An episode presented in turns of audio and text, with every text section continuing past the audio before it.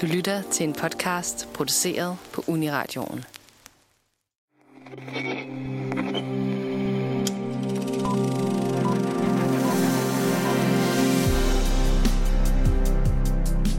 Som sommeren har nået sin ende, er der sikkert mange, der enten er begyndt på en ny uddannelse, et nyt job, eller som bare er fortsat i deres gamle rutiner. Men hvad sker der egentlig, når uddannelsen er over, eller jobbet forlades? I denne uges podcast vil vi kigge nærmere på film, der på den ene eller anden måde involverer det at være arbejdsløs. I vores tids samfund, der drejer sig om produktion og udbytte, kan man let komme til at føle sig uden formål, når man er uden job eller anden beskæftigelse. Men er det en trope, der ofte produceres på film? Og i så fald, hvordan? Ordet arbejdsløs har en del stigma omkring det, og vi vil i dag undersøge, hvordan det oversættes til filmens verden. Og om der kan blive tilføjet en ny opløftende vinkel på en ellers tilsyneladende ærgerlig situation. Med mig i studiet har jeg Ida og Anita. Mit navn er Sinead. Velkommen til filmmagasinet Nosferatu på Uniradioen.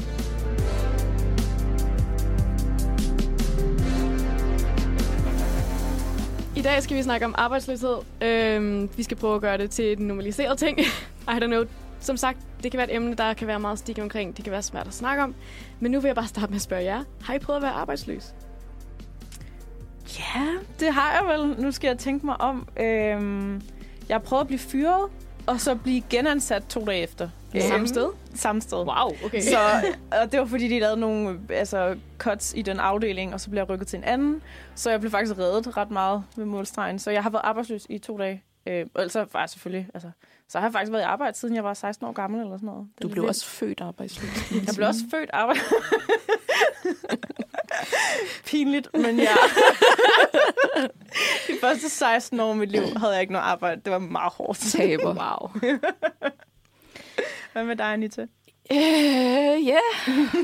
Jeg øh, er arbejdsløs lige pt. Eller between jobs, in between jobs. Eller fristillet? Nej, jeg øh, er på overlov. Nej, jeg øh, er færdiguddannet her, øh, her øh, over sommeren. Tillykke. Øhm, Ja, stort tillykke. Mm, tak. Nej, det er fint nok. ja. Det er jo fedt at være færdig, men på grund af corona og alt det, det har medført, så øh, har jeg ikke noget job. Øhm, så det er fedt. Har du lyst til at sige, hvad du er uddannet som? Nå. øh, jamen, jeg er øh, geolog slash geofysiker fra Københavns Universitet. Men ja, det har vel lidt inspireret, altså din, din arbejdsløshed Ja, har vel i, i, det, Ja. i en vis grad inspireret programmet i dag. Øhm, fordi det er, jo, det er jo noget, vi alle sammen måske netop overvejer. Altså, nu er mange her, også her på Nosferatu, vi er studerende. Og så overvejer man jo, når man først er færdig, er der job, eller kommer man til at være arbejdsløs? Det er jo sådan en... Øh, mange folk måske kan føle sig sådan lidt skræmt over at skulle lande der, ikke? Og nu sidder du jo der, Anita. Hvordan har du det med at snakke om det? Føler du, at det er noget, som men, er det et tabu på en eller anden måde?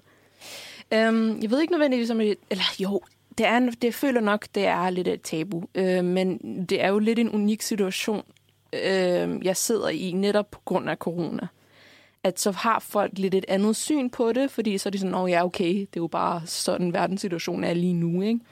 Øhm, men jeg tror helt klart, at hvis det ikke havde været på grund af øh, den her pandemi, så vil jeg nok have det meget værre, end jeg har det.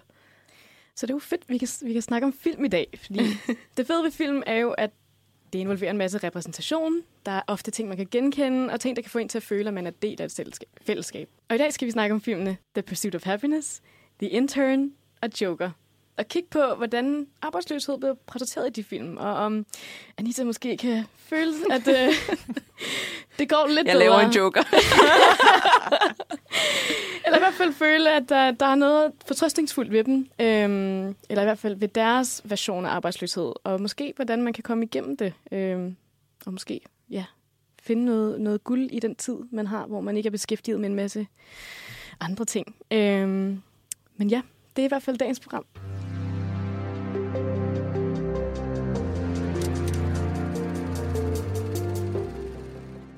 En anden grund til, at øh, vi snakker om arbejdsløshed i dag, selvfølgelig udover at øh, jeg er arbejdsløs og min nuværende situation, det er øh, også, hvordan det har været et ret stort emne her i løbet af coronakrisen.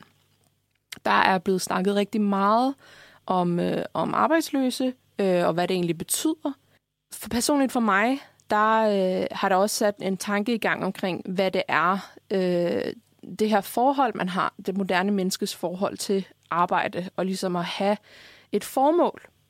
Fordi umiddelbart så virker det jo som om, at, at ens identitet og ens øh, hvad hedder det, ja, formål i verden handler om ens arbejde, og hvad man kan bidrage til samfundet. Og det er jo også noget af det, man ser i mange af de her film, hvor at så snart de mister deres job, så er de ligesom ikke vigtige længere.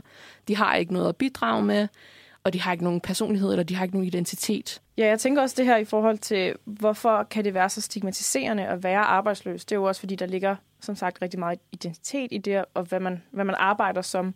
Øhm, og det er jo også tit det, man spørger andre mennesker, når man møder dem. Nå, hvad laver du til daglig? Det er sådan den der klassiske vending, som man altid på en eller anden måde skal stå til regnskab for.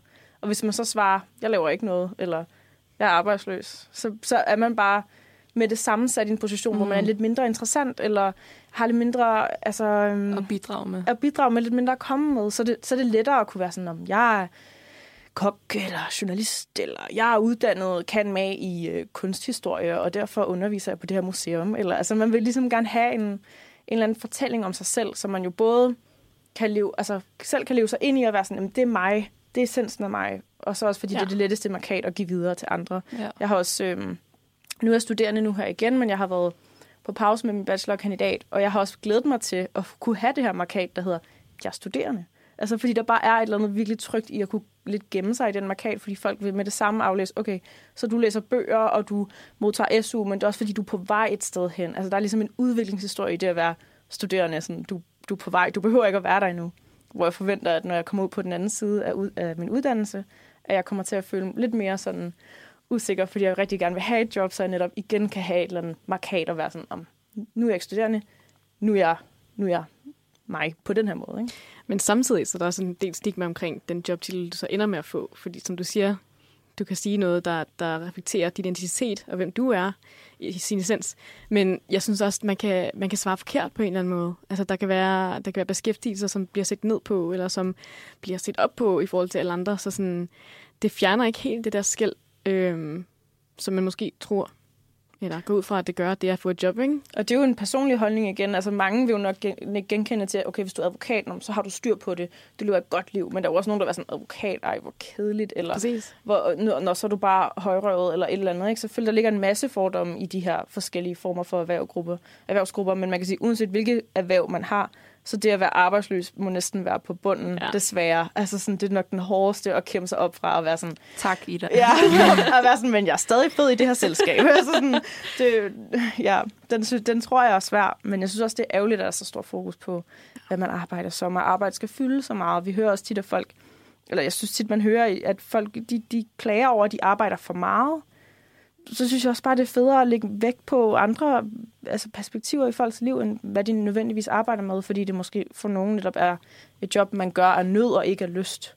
Øhm, og så er der også mange forventninger til, at det job, du skal have, skal være et, du skal være mega passioneret for. Ikke? Man vil gerne sige, om min hobby, min hobby er mit arbejde. Øhm, men sådan kan det jo ikke være for alle, og jeg tror også, der er noget lidt usundt i, hvis man ikke også har en hobby ved siden af det, man arbejder med.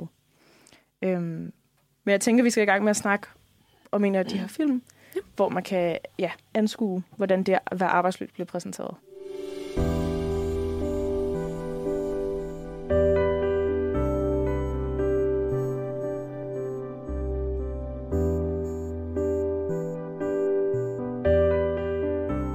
Den første film, vi skal snakke om, det er The Pursuit of Happiness. Uh, happiness med et Y og ikke et I øhm, eller Jagten på Lykke, som den er kaldt på dansk, øh, fra 2006, med Will Smith og hans øh, søn. Hans søns øh, filmdebut, faktisk. Øhm, hvor at Will Smith øh, spiller Chris Gardner, øh, som faktisk er en, en rigtig mand. Filmen er baseret på en rigtig historie, det der prøver at sige. Øhm, hvor at øh, Chris Gardner, øh, han har ikke et job. Eller det job, han har, det er som en... Øh, ikke særlig succesfuld sælger af nogle øh, røntgenagtige maskiner, øh, som han har betalt en masse penge for. Øh, og han, han går så rundt til forskellige læger og, og, og fysioterapeuter og sådan nogle ting, og prøver at få dem solgt. Øh, men øh, samtidig så får han så også, øh, hvad hedder det, custody over sin søn, som ikke er særlig gammel, øh, mens at, hans, at moren så flytter til New York. Øh, så det ender med, at han og hans søn faktisk bliver hjemløse. Og de, øh, ja, Chris, eller Will Smith, han skal så finde et job. Øhm, så det skal jo så lige siges, at øh, udover det her med arbejdsløshed, og hvordan det er øh, et stigma, så er Will Smith jo også sort. Så det er jo også en ting, han har imod sig, kan man sige, øh, fordi han jo også bor i USA. Øhm, vi har faktisk også et klip med her, hvor at han er til en jobsamtale i et meget stort sådan børsfirma, øh, hvor at han, øh, ja, det er lidt et uheldigt tidspunkt, han bliver kaldt ind til, det her, til den her jobsamtale, fordi at han lige har været anholdt, og han var så i gang med at male sin lejlighed, før han blev anholdt, så han er fuldstændig tildækket med, øhm, med maling, og han har kun sådan en, øh, en, øh, wife beater, eller en, en hvid tanktop på øh, under sin jakke. Øhm, så det er ikke det bedste indtryk, han giver. Chris,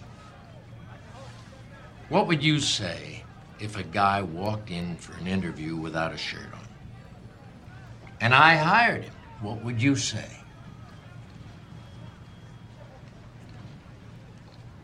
He must have had on some really nice pants. Ja, så der, øh, der hører vi, hvordan at, øh, øh, han får overbevist den her hotshot-chef øh, omkring, hvor meget han går op i det her job. Øh, og på trods af hans udseende, på trods af hvad, den situation, han var i lige før den her samtale, så får han ligesom øh, vist sin øh, passion øh, for, hvor meget han rigtig gerne vil arbejde, og arbejde specifikt for dem. Så det er jo ligesom, den her film viser, øh, hvordan han, ja, altså, jagten på lykke, sjovt nok, han har den her jagt på at få jobbet hos dem. Men så man får også et indblik i, hvordan der bare bliver set ned på ham, indtil han får det her job. Og fordi han har sin lille søn med sig. Jeg synes netop i, i det med titlen, du nævner, altså Jagten på Lykke, der ligger netop det her meget, meget sådan, den klassiske amerikanske drøm, ikke? at være sin egen lykkesmed, det her meget liberalistiske udgangspunkt, hvor at individet har fuldstændig er i helt eget ansvar for at blive til noget, ja. at skabe sit eget liv, skabe sin egen person, øhm, som den her film jo både viser, altså som, den viser, at er virkelig, virkelig hårdt, mm. at, at være over, altså hvad hedder sådan noget, efterladt til ingenting, og Præcis. virkelig selv skulle stå ja. for det hele. Og det er jo enormt hjerteskærende, når man ser, hvordan den her mand, han kæmper for ja. at forsørge øh, sin søn, og for at sønnen heller ikke skal miste mod, ja. øhm, og, og tro på, altså, det, det, det er sådan, der er også noget enormt sådan svært for ham at miste det her med, at han skal være den gode far, mm. men kan han også være det, når han er så udfordret, som han er? Det er en virkelig hjerteskærende film. Øhm. Det er også netop øh, en rigtig, rigtig god pointe, fordi at, altså, i Danmark har vi jo det her sikkerhedsnet, som man falder tilbage på, altså, når man bliver, hvis man bliver arbejdsløs. Men i hans situation, altså, de ender jo med at sådan overnatte øh, i metroer og ja. sådan et, et klamt et offentligt toilet et sted. Altså, det er virkelig, det er så trist. Og så også, når man ved, at det rent faktisk sker i virkeligheden, det her, så er det bare det gør det bare mere trist, og man sidder sådan helt tilbage, sådan knust, og vil ønske, man kunne hjælpe lille Jaden Smith. Nu kommer jeg også til at komme ind på det her med Joker, men tænker I, det også er en form for samfundskritik, vi ser her? Altså, at filmen her, The Pursuit of Happiness, ja, det vil jeg mene. Altså, det er jo, det er jo både og, fordi den slutter jo også med, at øh, hovedpersonen, Chris Gardner, han er jo faktisk med, altså manden, der spiller rollen, han kommer sådan gående mm. ind over skærmen lige til sidst, så man ser den rigtige Chris Gardner. Øhm, det kan jeg tydeligt huske fra første gang, jeg så filmen. Det var sådan på live tv, øh, at TV2-speakeren siger til, når rulleteksterne kører, ja, og manden, man så til sidst, det var jo øh, Chris Gardner. Og så, den rigtige mand.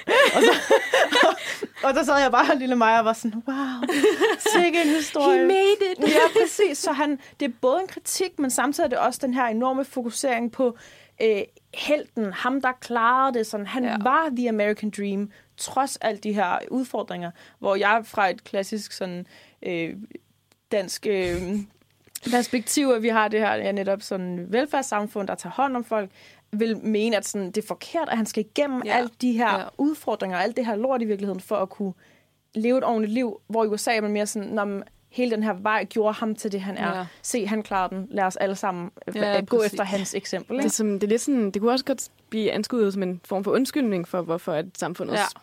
Ja. Altså, hvad hedder det? Dem nederst på... Øh, samfundets...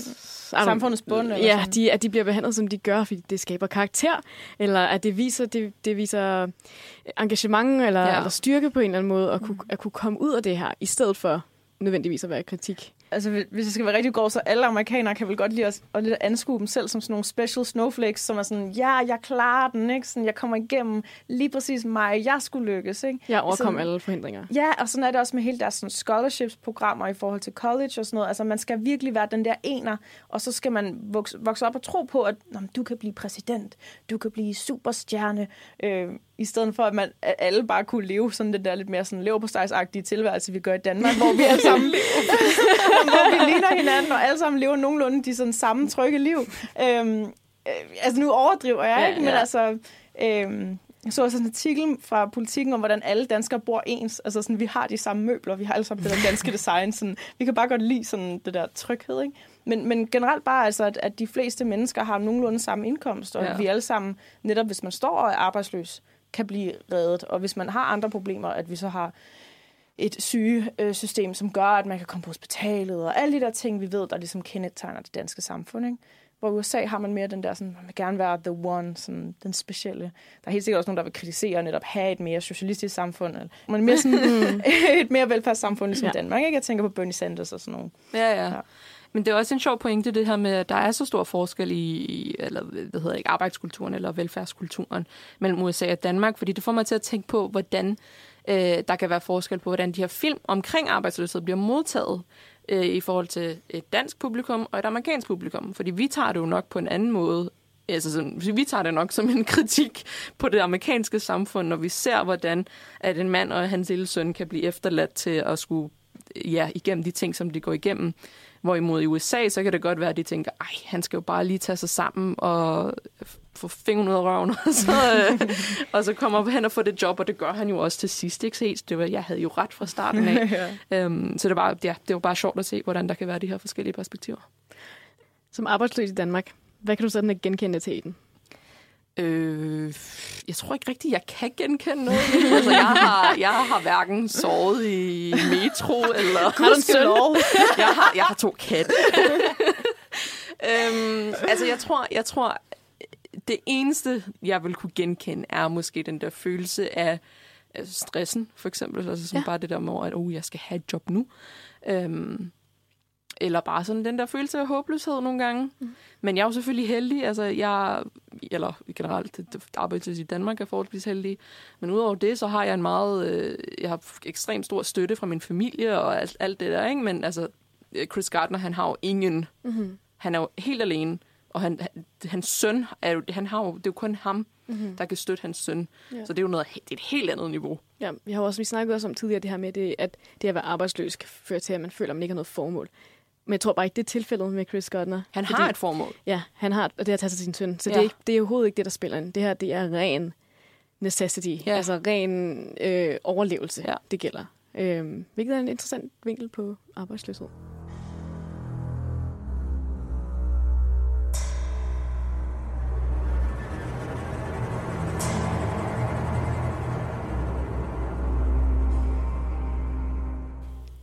Nu skal vi snakke om Joker, øh, der udkom sidste år, og som er instrueret af Todd Phillips. Og Joker handler om Arthur Fleck, som er spillet af Joaquin Phoenix, der arbejder som festklovn til forskellige anledninger. Han bor i Gotham, øh, som er et ret tragisk sted at bo, og som er meget essentielt øh, for det, vi skal til at snakke, eller ikke essentielt, men, er som, men som er meget vigtigt at lige pointere øh, for det, vi skal til at snakke om. Fordi Gotham, det er en stor by, den ligner New York på rigtig mange måder. Og øh, det er en by, hvor man er omgivet af skrald og rotter og bare generelt arbejdsløshed. Det er en rigtig miserabel by. Øh, stor by. Øh, og ikke særlig langt ind i filmen, så formår Arthur sig selv at miste sit job, øh, hvilket kun er med til at forværre hans i forvejen meget skrøbelige psykiske tilstand.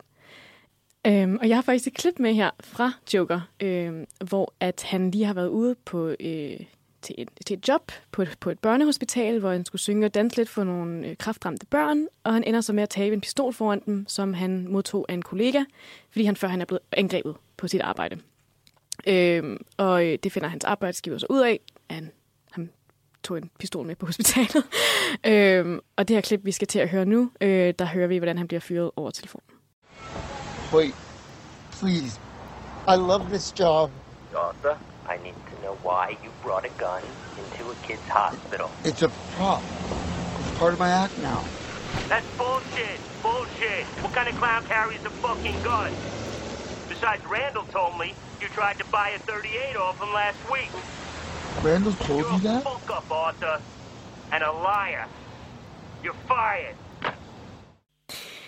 Så ja, øhm, den her begrundelse, hvorfor han bliver fyret, siger også lidt om den, den tilstand eller den by, øh, han bor i, hvor at det at bare gå på arbejde kan være farligt. Øh, men nu er han så endet i en til tilsyneladende meget værre situation, hvor han ikke engang har sit arbejde.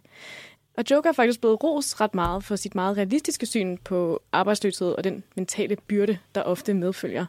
Øh, fordi Joker er jo i bund og grund en, en origin story øh, om en superskurk, men man får stadig et meget sympatisk og hjerteskærende billede af en mand, som lige pludselig bliver uden formål og uden nogen støtte fra samfundet overhovedet. Altså, der bliver li- virkelig lagt vægt på, at systemet har fejlet ham. Øh, og Arthur, som jo skulle have været en skurk, bliver for rigtig mange folk en, en held næsten.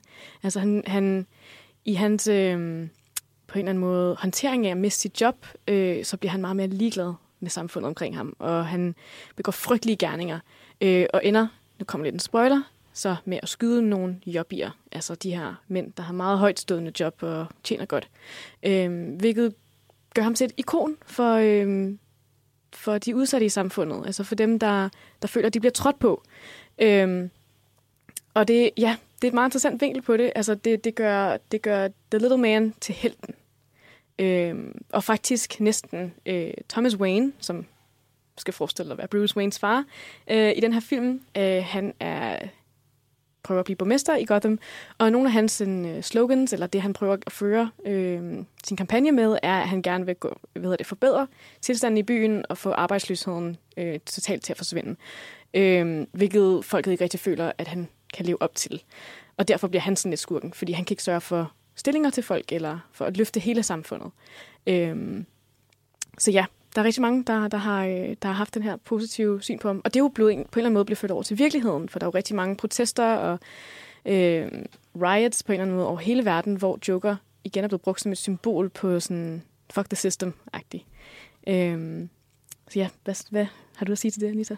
Øhm, jamen, jeg, har, jeg synes egentlig bare, at Joker er et rigtig go- godt eksempel på, hvordan at øh, der er lidt et paradoks i det her med arbejdsløshed, og så samtidig det her fight the system-koncept, som mange af de her film laver eller viser. Fordi samtidig med, at øhm, det her stigma omkring arbejdsløshed, det er jo ofte sådan forbundet til det her med kapitalisme og alt det her øh, ideologiske, hvis vi skal gøre lidt mere politisk, øhm, eller bare rent altså økonomi. Mm. Øh, men så samtidig så har man de her film, som for eksempel The Joker, eller ikke The Joker, bare Joker, øhm, hvor man ser, at han sådan kæmper imod systemet, kæmper imod kapitalismen, og det bliver han hyldet for. Mm. Så det er virkelig også et dobbeltmoralsk øh, samfund eller forhold, man kan sige, at folk har til det her med arbejdsløshed. Fordi på, det ene, på den ene side, så øh, er der i film som The Pursuit of Happiness, hvor at hvis man er arbejdsløs, så bliver man set ned på. Men så i film som Joker, hvor at, uh, han er arbejdsløs, øh, og så vælger han at kæmpe imod systemet, der siger, at det er dumt, at han skal være arbejdsløs, og så bliver han hyldet for det. Ikke? Mm. Så det er også lidt der, hvor det der heltekompleks kommer ind, øhm, som jeg synes er lidt sådan modstridende med, hvad man ellers ser i alle de andre film mm. omkring arbejdsløshed. Og det synes jeg er ret spændende at se på. Øhm, Men det er lidt det der underdog-præmis, som kommer ind igen. Altså, at man hæpper på, på den, der bliver trådt på. Øhm, men, men en anden, altså et andet ret vigtigt aspekt i filmen er ikke kun, at han mister sit job, men også, at han mister adgang til, hvad kalder man det, øhm, psykiatrisk hjælp. Fordi at det er ikke kun på arbejdsfronten, at han, han føler, at han ikke har noget, eller han føler, at han ikke får nogen støtte, men også det, at han har rigtig mange mentale problemer, han kæmper med. Og det tror jeg også er en, en, igen en ting, som, som måske er relaterbar for mange mennesker. Altså det, at det at være arbejdsløs også kan føre, føre til forværret mentale tilstande, fordi man netop er alene med en masse tanker, og, og som vi har snakket om før, det der med at ikke have noget formål, hvad gør det for identitet, hvad gør det for det, man gerne vil. Og, og i, specielt med Joker, tror jeg, han er et rigtig godt eksempel på med, med det her med identitet, fordi hans job er at være komiker, og, og det er der, altså, han har ikke andre, han, men så vidt jeg husker i filmen, så har han ikke andre valg. Altså, han, går, han han kigger ikke rigtig efter andet, fordi det er, det, her, det er hans identitet, det er, det er at være stand-up-komiker. Og det er også det hele, hans sådan, ikon efterfølgende bliver bygget op omkring, at være den her klovn. Og, og så han på en eller anden måde, han, han får fat i den her identitet igen, men på en anden måde. Nu, nu er han bare et forbillede som klovnen. Øhm, men sådan er rigtig god til virkelig at, at, virkelig at få det igennem. Jeg synes nemlig også, at i det her billede af, at han er en klovn, så er der også det her med, at der er nogen, der griner. Men hvem griner af hvem? Altså, mm. griner de af ham, fordi han er arbejdsløs, og på den måde er en klovn? Eller griner han som klovnen, der ikke længere tager verden seriøs, ja. og ikke, Ja. ikke længere vil gå ind på samme præmisser som før? Det synes jeg også, at der er en virkelig, virkelig sådan spændende, sådan lidt vrangforestilling i forhold til, hvem griner af hvem, Ja. øh, og hvem er det egentlig, man skal hæppe på, ikke? Mm. Øh, jeg synes også, at, at Joker er ret god til at vise den her anden form for øh, arbejdsløshed, øh, eller sådan øh, indblik på arbejdsløshed, netop i forhold til det med psykiske sygdomme. Altså, det er jo meget, der er jo mange, der går ned med stress, for eksempel, for at gøre det sådan helt, ja. øh, i forhold til, ikke fordi jeg vil kalde det simpelt, men sådan helt basal psykisk stress. Øh, men det bliver der også set ned på. Så folk er villige til at knokle Altså sådan som de virkelig, altså de, de, når man går ned med stress, så har man det jo rigtig, rigtig dårligt. Men de er villige til at knokle så hårdt, at de når det punkt for ikke, netop ikke at være arbejdsløs, fordi det bliver set så meget ned på. Øhm, jeg synes også, der er noget interessant i forhold til det her med, at Joker jo er en del af Batman-universet, og han jo er, er skurken. Øhm, og det, det synes jeg også bare igen, altså i, i forhold til superheltefilm, og hvordan man præsenterer de her helte, at Joker også på en eller anden måde er sådan virkelig, virkelig sigende for, hvordan vi i vores samfund gerne vil have helte med mere kød på. Og også skurke med mere kød på. Altså sådan, der skal være mere bag, end at han bare er letterlig øh, fjollet type, ikke? som han jo er i... Øh, i de første Batman, specielt i 60'erne, øh, med Cesar Romero, som er ham, der spiller Joker i, i den version der, hvor hans kostyme igen er den her meget sådan, den er lilla farve, øh, have det, det der meget, meget sådan maskeagtige make-up. Øh, han er jo virkelig, virkelig latterlig øh, på en mega fed måde og meget camp, men den her Joker er jo helt anderledes. Øh, hans, den lilla farve er slet ikke lige så stærk, og han, ja. han ser bare anderledes ud. Men det er jo fedt det der, fordi det, man på en eller anden måde kan sammenligne med dem, med den her skabelse af karakteren. Altså or- origin story bag, hvorfor de er, som de er.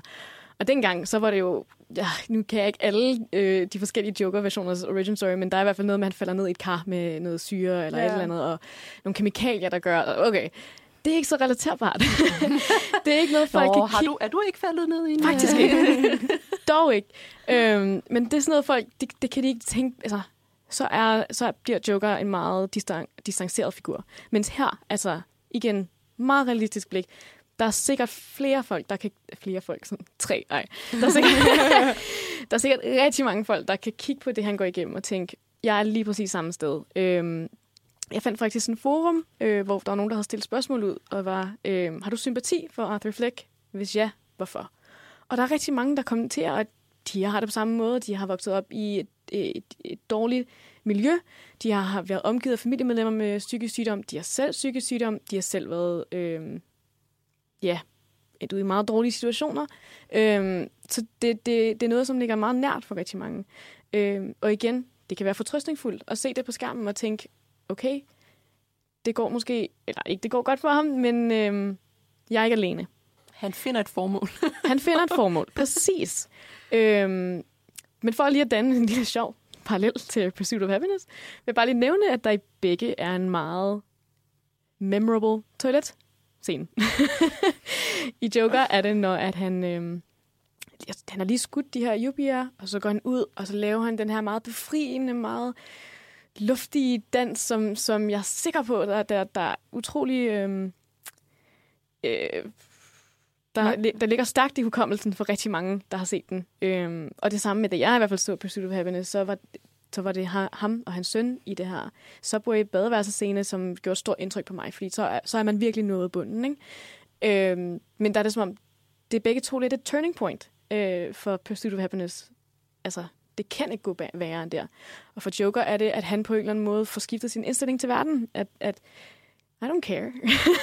eller et eller andet. Det er måske lidt sygt, men jeg, jeg kunne ikke lade være med at tænke på de her fluorescerende lys, og hvordan det var de her ulækre badeværelser, de begge to ender i, på en eller anden måde. Så det, du siger, er, at øh, i min situation, så skal jeg bare Du lige overnatte finde- i et klamt Du badeværelse. skal ned i S-toget, så skal du finde et badeværelse, oh. og så skal du bare lige derinde og lave en dans eller overnatte dig. Your choice. Okay, fedt. fedt. Jamen, øh, så ses vi dernede. I finder mig på Nørreport her.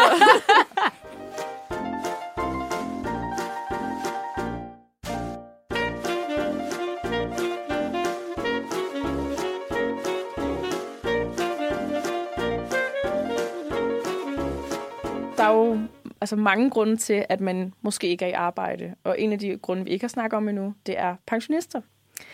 Og i filmen The Intern fra 2015, der har vi jo Robert De Niro i rollen som en pensioneret mand, der ikke kan finde sig til rette i pensionisttilværelsen. Han kan, han kan simpelthen ikke finde mening med livet, fordi han ikke længere har et arbejde. Og det på, på den måde kan det også godt relatere sig til dagens tema, netop med arbejdsløshed.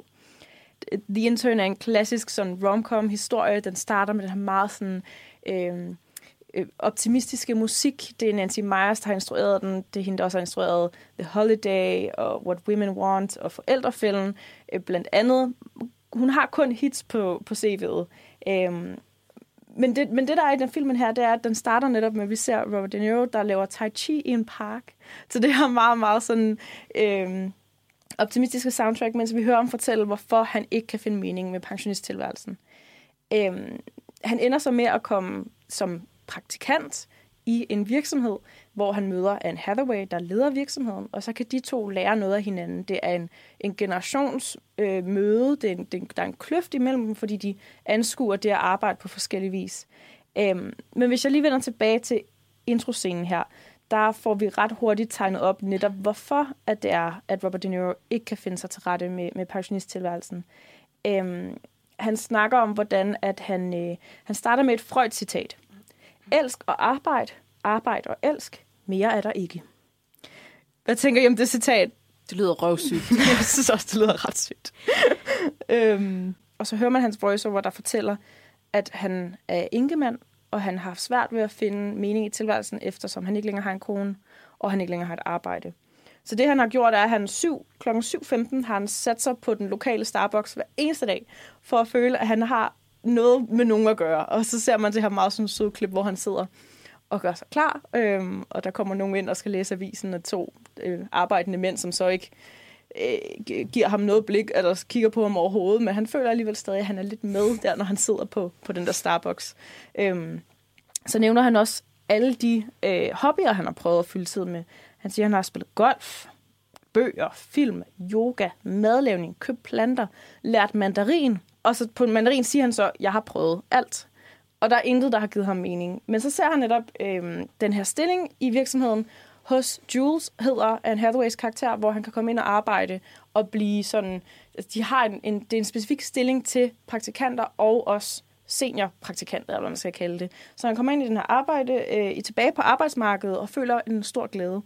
Så er der jo selvfølgelig mange paralleller mellem ham og Anne Hathaway. Han, det firma, han plejede at arbejde for, det var et telefons, telefonbog. Altså en virksomhed, der- Producent, ja, de Ja, ja, en- lavede telefon, telefonbøger. Lige præcis. Og, hun, og nu arbejder han så hos den her modevirksomhed, som sælger tøj online.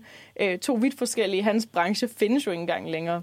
Så er det jo også sådan det sjove med, at det er i den samme bygning, hans virksomhed plejede at være og holde til hus, som nu er der, hvor Jules virksomhed er. Øhm, og der er helt vildt mange paralleller til, hvordan han skal prøve at lære hende at tage det mere stille og roligt med det her arbejde, og køre lidt ned, og han kommer selvfølgelig også tæt på hendes familie, og filmen er meget, meget sød, og i, i mit smag måske også lige lidt for sød. Øhm, men i hvert fald, det er, en, det er en meget fin fortælling i forhold til, hvordan han finder mening i arbejdet, og han netop ikke kunne holde ud og være arbejdsløs. Og for at illustrere den her relation, der er mellem ham og Jules, så har jeg et klip med, som er der, hvor han har fået jobbet, og han møder hende for første gang. Hi, Jules. I'm Ben, your new intern. I'm glad you also see the humor in this. Be hard not to. So, Ben, I was gonna say, what is a nice guy like you doing at a place like this? But Cameron gave me the drill, so can I just be honest with you? Please. I'm not gonna have a lot for you to do. That's the truth. And you being assigned to me is kind of just for me to set an example for the rest of the team. If you ask me, I think that you'd be much better off working in creative or marketing. Ja, så der, altså, de har begge to det her lidt sådan humoristiske med, at han det der med, hoho, du er gammel, og du er min praktikant. Det er lidt mærkeligt. Øhm, og hun afviser ham også til at starte med, med at være sådan, du har det meget bedre i en anden afdeling. Øh, hun siger senere, at jeg har kun sagt ja til, at du skal være min praktikant, for at sætte et godt eksempel over for resten af medarbejderne. Øhm, så der er hele tiden den her sådan, spænding imellem de to i forhold til, at han gerne vil arbejde, men hun er ikke god nok til at give arbejde fra sig. Øh, så hun er sådan en workaholic, og det er han på en eller anden måde også, men filmen i der ham som en mere positiv workaholic, fordi han er en, en gentleman, han er en mand af den gamle skole, han møder også ind med sådan en rigtig gammeldags øh, mappe øh, og jakkesæt, mens alle andre de går selvfølgelig sneakers og, øh, og hættetrøjer, fordi det er et moderne kontor. Øh, og hun cykler også rundt på kontoret. Øh, det, der, der er ligesom virkelig senesat, hvordan det her er virkelig sådan hipt, ungt kontor, men hvor alting går lidt for stærkt, og de har altså brug for Ben, som Robert De Niro's karakter hedder, til lige at sætte alting ned i fart. Som vi har snakket om i de andre film, så er det at have et job det, der på en eller anden måde hæver det over at være totalt håbløs. Øhm, og det er som om i den her film, så er det ikke engang tilladt at være pensionist. Du skal stadig, du skal stadig have et arbejde. Mm. Det, det igen viser bare, hvor højt prioriteret det at have et arbejde er. Og der er jo 100% mennesker, der har det sådan her. Det er ikke fordi, jeg siger, at den prøver at skabe en anden propaganda om, at du skal arbejde til, at du ikke kan stå på dine ben længere. Øh, men det er bare sjovt i den kontekst, øh, hvor vi snakker om arbejdsløshed, som ikke er været valg, at han, øh, selv når man så står i en situation, hvor det netop øh, hvad det, er tilladt på en eller anden måde at være arbejdsløs, at man stadig vælger at, at prioritere arbejde mere end noget andet. Øhm, jeg synes også, at filmen er god til at, at pointere den her, øh, det her skæld, der er øhm, mellem for eksempel, ja, at Robert De Niro's karakter går fra ikke noget arbejde på nogen måde øh, til ligesom have det her, den her praktikplads. Øhm, til, og så har vi Anne Hathaways rolle, hvor at hun er, som du siger, Ida, workaholic, og hun arbejder konstant. Men så er der jo også den her, hun får, spoiler lidt, hun får en mulighed for at, ligesom at videregive nogen, noget af sit ansvar til en anden. Men det betyder så, at hun skal gå ned i timer. Og det synes jeg bare er et sjovt sådan skæld mellem de to øhm, ja, arbejdsmåder. Øh, og hvordan det faktisk det på en måde øh, er lidt en kritik af, at det, det er hverken okay ikke at have noget job, men det er heller ikke okay at knokle røven i laser, fordi at du også lige får pointere, hun er jo en dame og en mor. Så hun skal også være en god mor, og det kan hun ikke være, når hun også arbejder rigtig, rigtig, rigtig meget. Og det, det der, jeg synes, filmen går ret skævt, fordi den prøver på en eller anden måde at have en moderne dagsorden at være sådan lidt feministisk. Altså det er som om Robert De Niro så kom ind og være den her sådan feministiske mand, der skal lære en Hathaway, hvordan hun er en rigtig kvinde. Og jeg synes bare, det er utrolig forfejlet, fordi nogle af de ting, han siger bare er sådan... Åh, det var for meget på en eller anden måde. Du bliver tyk af at være stresset. Ja, der er en rigtig god scene, hvor han siger, det er så ikke til en Hathaway, men det er til hendes assistent, at øh, du burde gå hjem, fordi hvis ikke du sover nok om natten, som jeg ved, du ikke gør, for du arbejder hele tiden, så bliver du faktisk tyk. Og så hun sådan, åh oh, nej, nu er jeg også tyk. og det var så forkert. Og, og så er han sådan, ha. Ja, ja, sådan, I told you. I told og jeg, jeg synes bare, der er noget galt i det der med, at hun netop også, altså filmen sætter, det kan jo selvfølgelig, det kan være en udfordring at skulle være forældre og have et arbejde, men igen, det er der så mange, der lykkes med alligevel, og jeg synes, det er et problem, at filmen portrætterer det her med, at for kvinder er det ekstra svært at være både mor og arbejdende. Øh, selvfølgelig kan det være svært at være øh, direktør, som hun er, og, altså, og, og mor. Og, altså, selvfølgelig, men jeg synes bare, den har et enormt sådan, gammeldags syn på kønnene alligevel, fordi der skal komme den her mand, og lidt mansplane hvordan hun kan få et bedre arbejdsliv. Øh, og så altså, sætter den jo helt vildt mange sådan, høje forventninger til, at han kommer fra en svunden tid. Alting var meget bedre, dengang vi slog hinandens øh, numre op i telefonbøgerne, øh, og det slags arbejdsliv, han havde, var, meget, var langt mere positiv, end det hun har nu. Så filmen er enormt sådan nostalgisk på sådan en lidt kikset måde, hvor den higer efter gamle idealer og ikke, ikke er up to date. Selvom den, boomer. Den er meget boomer. den er virkelig boomer. Og som den forklæder det i, at Anne Hathaway ser mega nice ud, og deres kontor har lækkert skinnende betongulv, og hun cykler rundt på kontoret, og den er virkelig New Yorker-agtig, den her øh, kontoret. Og, sådan, og ja, det foregår også i New York, så sådan åh, den prøver sådan virkelig at forklæde det. Jeg sådan, "Jamen, hun er jo iværksætter, hun er jo sej. Men, det er sådan, men du har, altså, filmen har alligevel nogle virkelig åndssvage principper og, og moral i- at ende med, synes jeg. Altså, jeg kan rigtig godt forstå din pointe, øhm, og det giver jo også mening, men jeg, jeg ser også lidt filmen som, øh, som et mere sådan øh, realistisk vinkel på, at på hvordan det, hvordan det er at være kvinde øh, på arbejdsmarkedet, moderne kvinde. Fordi at så meget som vi godt kunne tænke os, den der ideelle verden, hvor at man både kan være øh, ja, CEO for sit eget firma, og være en god kone, og være en god mor, øh, eller, eller bare at være ung kvinde på, på et, øh, et up-and-coming firma, der gerne vil nå langt. Så realistisk set, så ved jeg ikke helt, om vi er der som samfund endnu. Om det så er i USA eller i Danmark. Selvfølgelig er vi nok tættere på det i Danmark, end de er i USA. Ah. Det er nej, men der det er jo til stor det debat nu. nok. Det er rigtigt nok. Det meget aktuelt. Men i forhold til USA. Ej, jeg ved det ikke. Men, men det er bare fordi, jeg for eksempel, undskyld jer, men bare i, øh, med, med netop med Becky, som er Anne Hathaways assistent, altså netop det med, at hun, hun har så meget arbejde og ikke får noget søvn, øh, men så alligevel, ja, scenen er jo det, at, at, at, at øh, Anne Hathaway giver en øh, opgave til Ben, altså Robert De Niro, i stedet for at give den til Becky, som er hendes assistent, og, og Becky får sådan en sammenbrud, sådan, hvorfor jeg arbejder så meget, hvorfor giver hun mig, ikke mig det, den, den opgave? Fordi du ikke er mand. Jamen, det er det. Jamen, det, er det, altså, det, er sådan, det er bare sådan, jeg synes næsten, det giver det budskab af, at, at, at lige meget hvor meget, hvor stor en indsats kvinder sætter ind i deres arbejde, så bliver mænd stadig prioriteret over. Så synes jeg også, at bare, det, det giver sådan lidt... Øh, Det er lidt selvbevidst-agtigt. Ja, Okay synes jeg. Altså, filmen...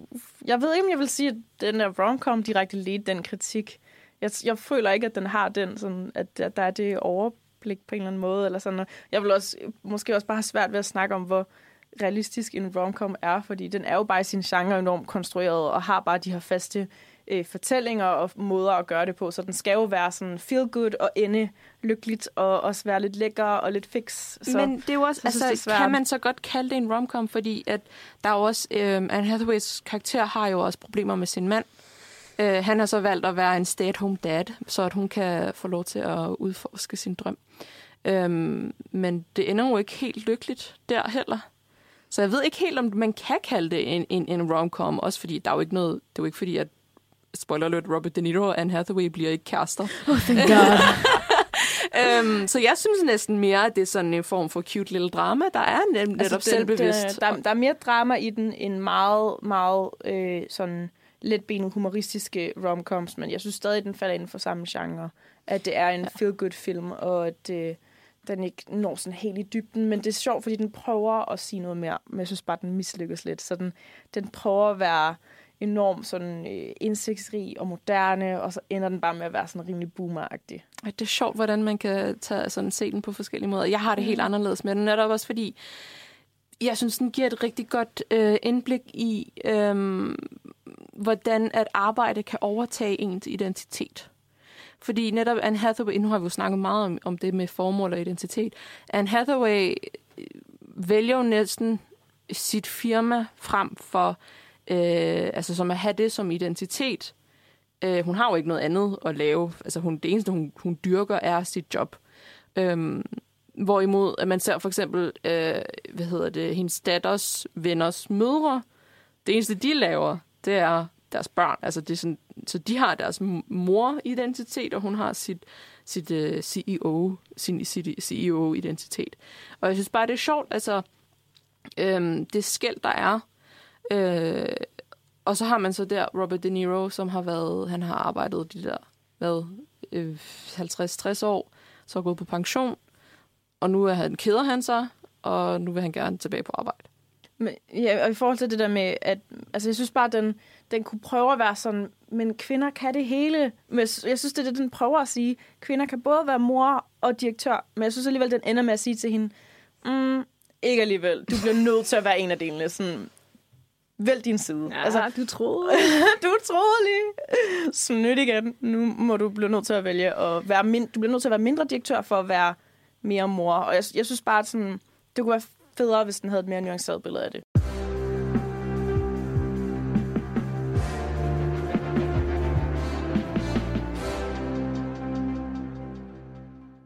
nu har vi snakket rigtig meget om film, hvor det at have et job eller ikke at være arbejdsløs har været, øh, har været målet, og det man søger efter. Øh, vi har snakket meget om, hvordan man forbinder sit job med det at have en identitet, men vi har ikke så- snakket så meget om de tidspunkter, eller de film, hvor at det ikke at have et job åbner op for muligheder for, at man på en eller anden måde kan udforske sig selv, lære mere om sig selv, og udvikle sig på andre områder, lære en hobby, rejse til nogle nye lande, altså på en eller anden måde uden den her tid, man har, hvor man ikke er forbundet til et arbejde. Øhm, og den her, det her hamsterhjul af øh, kapitalismen, eller hvad man siger. øhm, og der er det jo sådan nogle film som Eat, Pray, Love, eller The Wondrous World of Walter Mitty, eller hvad det hedder, hvor det, øh, det ikke at være lænket til, øh, til et desk, det er en, en befrielse på en eller anden måde. Og som vi også kan se i Pursuit of Happiness og Joker, kan det jo også være lidt en katalysator for noget personlig udvikling. Øhm, character development, og det er jo også noget, man på en eller anden måde kan tage fra filmens verden og kigge på sig selv. Okay, nu møder jeg en, en forhindring, som på en eller anden måde kan være med til at gøre mig til den næste version af mig. Øhm, jeg synes, at min personlige holdning til arbejdsløshed er, at det bliver, det bliver set meget binært som at være i arbejde og uden arbejde, og ikke som en tilstedeværelse for sig selv, og bare leve i nuet på en eller anden måde. nu bliver det meget fluffy. Men at øh, bare få komme en lidt positiv side til en, en stort set negativ samtale, vi har haft om det med at være uden arbejde. Men Ida, øh, nu vi snakket om arbejdet, så ved jeg, at du også har kigget lidt på, hvilke beskæftigelser folk i filmen normalt har. Ja, altså nu vil jeg sige, at jeg er gået sådan til værks, at jeg selvfølgelig har fokuseret på romcom. Øh, Fordi jeg bare synes, at øh, der er rigtig meget gods at hente der i forhold til, hvordan vi øh, anskuer vores liv. Hvordan vi alle sammen på en eller anden måde er en hovedkarakter i vores egen lille film ind i hovedet, når vi sådan skal forklare, hvilke valg vi tager, og også netop, hvilke jobs vi har. Øh, så jeg prøver ligesom at anskue, okay, der er virkelig meget stigma ved at være arbejdsløs. Hvad er det, vi så vil med i det at være i arbejde? Og det er jo den her identitet selvfølgelig, som vi allerede har snakket om. Men hvad er det så for et arbejde, som rigtig mange af de her karakterer har i netop romcoms? Og jeg tror, at den, jeg vil sige, der vinder... Må vi gætte? Ja, det må du godt gætte. Hvad, hvad, hvad, hvad er de fleste, de beskæftiger sig om? Jeg ved godt, romcoms handler næsten altid kun netop om kærligheden, så jobbet er bare sådan en bifortælling. Men hvad er det, de arbejder som, hvis I skal gætte? I et forlag, så de skal sådan læse ting. Øh, Den er god. Jeg tænker altid sådan suits og sådan noget management. Mm. Øh, I hvert fald kontorarbejde. Ja. Det Ja. er altid på et kontor. Og arbejde sådan for et modeblad eller et dameblad. Lige præcis. I har, det er faktisk en ret fin kombi, I har sagt der. Altså sådan forlag kunne det også sagtens være, fordi de, vores hovedpersoner er ofte sådan lidt kreative typer. Jeg tror, at det, jeg egentlig vil sige, de oftest arbejder som, er journalist. Ah. Der er rigtig mange af de her øh, kvindelige hovedkar- hovedkarakterer, som arbejder som journalist. Og jeg tror, at grunden til, at de kvindelige hovedpersoner ofte arbejder som journalister, er fordi, at der er et eller andet med det her med at være lidt kreativ og lidt sådan skabe, men man er ikke så kreativ, at man er kunstmaler for eksempel, fordi de skal stadig kunne passe ind i de her storrumskontorer, hvor de går rundt og ser nice ud i deres øh, suits netop, og, øh, og har deres skrivebord, som også altid er fint indrettet osv. Så, videre. øh, så det ligger helt vildt meget i det her med, at mange af dem er journalister. Eksempler, øh, altså journalister, og så ofte netop modebladet, øh, eller en eller anden form for sådan livsstilsmagasin, medievirksomhed. Det, det er tit der, de ligger øh, og, og landet som, øh, som job. Øh, eksempler er The Devil Wears Prada, udspiller mm. sig jo på et moderedaktion. Anne Hathaway. igen med Anne Hathaway. og her der spiller hun jo netop praktikanten, der har det rimelig øv. Øh, Men den viser os lidt, hvor meget hun står model til for ikke at blive arbejdsløs. Præcis. Hun, Altså. hun har drømt om at komme ind på den her redaktion, så hun vil gøre alt, hvad Meryl Streep siger, også selvom hun netop er en Jill, der går med Prada. Nej. den ligger ret meget til, hvad den handler om. Så er der også øh, 13 snart 30, Bridget Jones, dag, dagbog, The Ugly Truth, 27 bryllupper, of Guide in 10 Days, The Holiday. Der er virkelig mange eksempler, hvor at, øh, at den kvindelige hovedperson, hun skriver i et eller andet omfang, og hun er ansat på et medie og, og bedriver noget journalistik. Så det at være arbejdsløs, det er blevet sådan demoniseret. Det at være journalist, det er blevet romantiseret. Helt sikkert. Kan man ikke sige det? Jo, det vil jeg også mene. Men ja, nu er vi nået til vejens ende. Øhm, og for på en eller anden måde opsummere, hvad det er, vi har fået ud af de her film, det er, at de kan være meget fortrøstningsfulde for folk, der selv er i samme situation. Øhm, det kan, altså på en eller anden måde, så siger det noget om, at arbejdsløshed kan fremprovokere noget karakterudvikling. Øh, det kan være en katalysator for forskellige begivenheder i ens liv. Og det kan også være en, en periode, hvor man har potentiale for at udvikle sig på andre områder. Har I noget tilføjet til det? Men øh, Anita, Er det, har du fået noget ud af det i dag, i program? Eller? Nej. Okay. you know what? That's fine. Det er helt okay. Øhm, men vi vil bare sige tak, fordi I har lyttet med. Øhm, og øhm, Gå endelig ind og læs vores anmeldelser øh, og artikler ind på nosferadio.dk. I kan følge vores side ind på øh, Facebook, filmmagasinet Nosferatu, og vores øh, Instagram-profil, hvor der øh, kommer konkurrencer op, blandt andet. Øh, ja, og så lyt til vores andre podcast. Podcast. Podcast. podcast. Ej, jeg elsker vores podcast. Man skal sådan godt der.